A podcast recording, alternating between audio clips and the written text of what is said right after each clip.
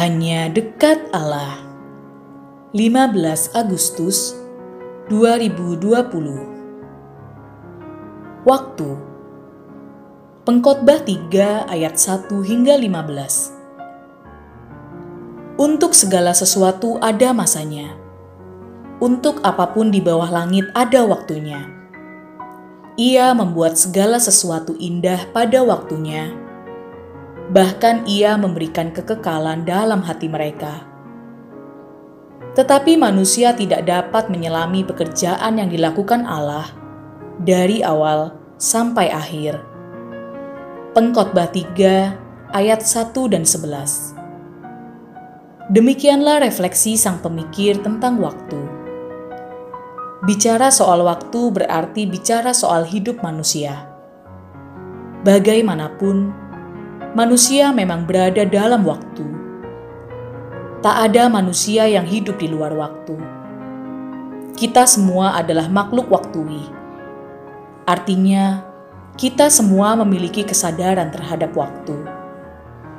Manusia tahu apa bedanya kemarin, kini, dan esok. Manusia dengan perlengkapan akal budinya sungguh paham kapan menanam dan kapan menuai Sedikit contoh, tanamlah padi di awal musim penghujan dan memanennya di musim kemarau. Jika ada seorang petani yang menanam padi di awal musim kemarau, pastilah akan menjadi bahan tertawaan orang lain. Sejatinya, memahami waktu dan melakukan segala sesuatu seturut dengan waktunya merupakan tindakan logis. Artinya, jangan terlalu cepat tetapi juga jangan terlambat. Kalau janji dengan seseorang pukul 19.00, datanglah pukul 18.30. Hanya orang gak ada kerjaanlah yang janji pukul 19.00, tetapi telah datang pukul 17.00.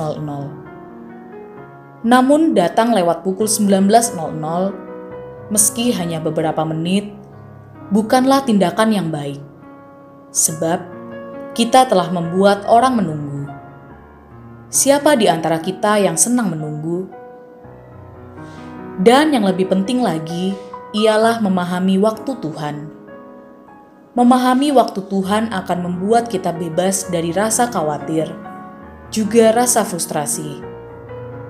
Misalnya, seandainya ada orang yang sakit nggak sembuh-sembuh, kalau kita memakai waktu menurut kacamata manusia, kita akan bosan dan frustrasi. Kita harus memahami waktu menurut kacamata Tuhan.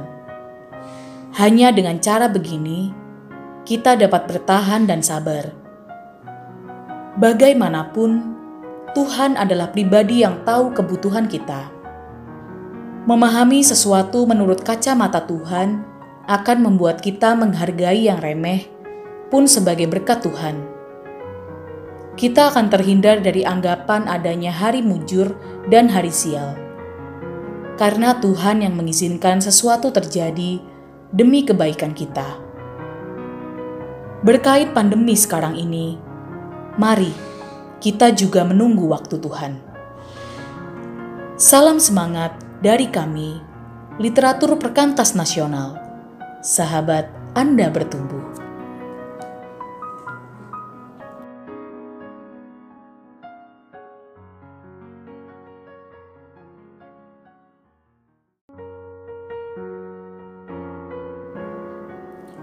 Hanya dekat Allah. 15 Agustus 2020. Waktu Pengkhotbah 3 ayat 1 hingga 15. Untuk segala sesuatu ada masanya. Untuk apa pun di bawah langit ada waktunya. Ia membuat segala sesuatu indah pada waktunya bahkan ia memberikan kekekalan dalam hati mereka.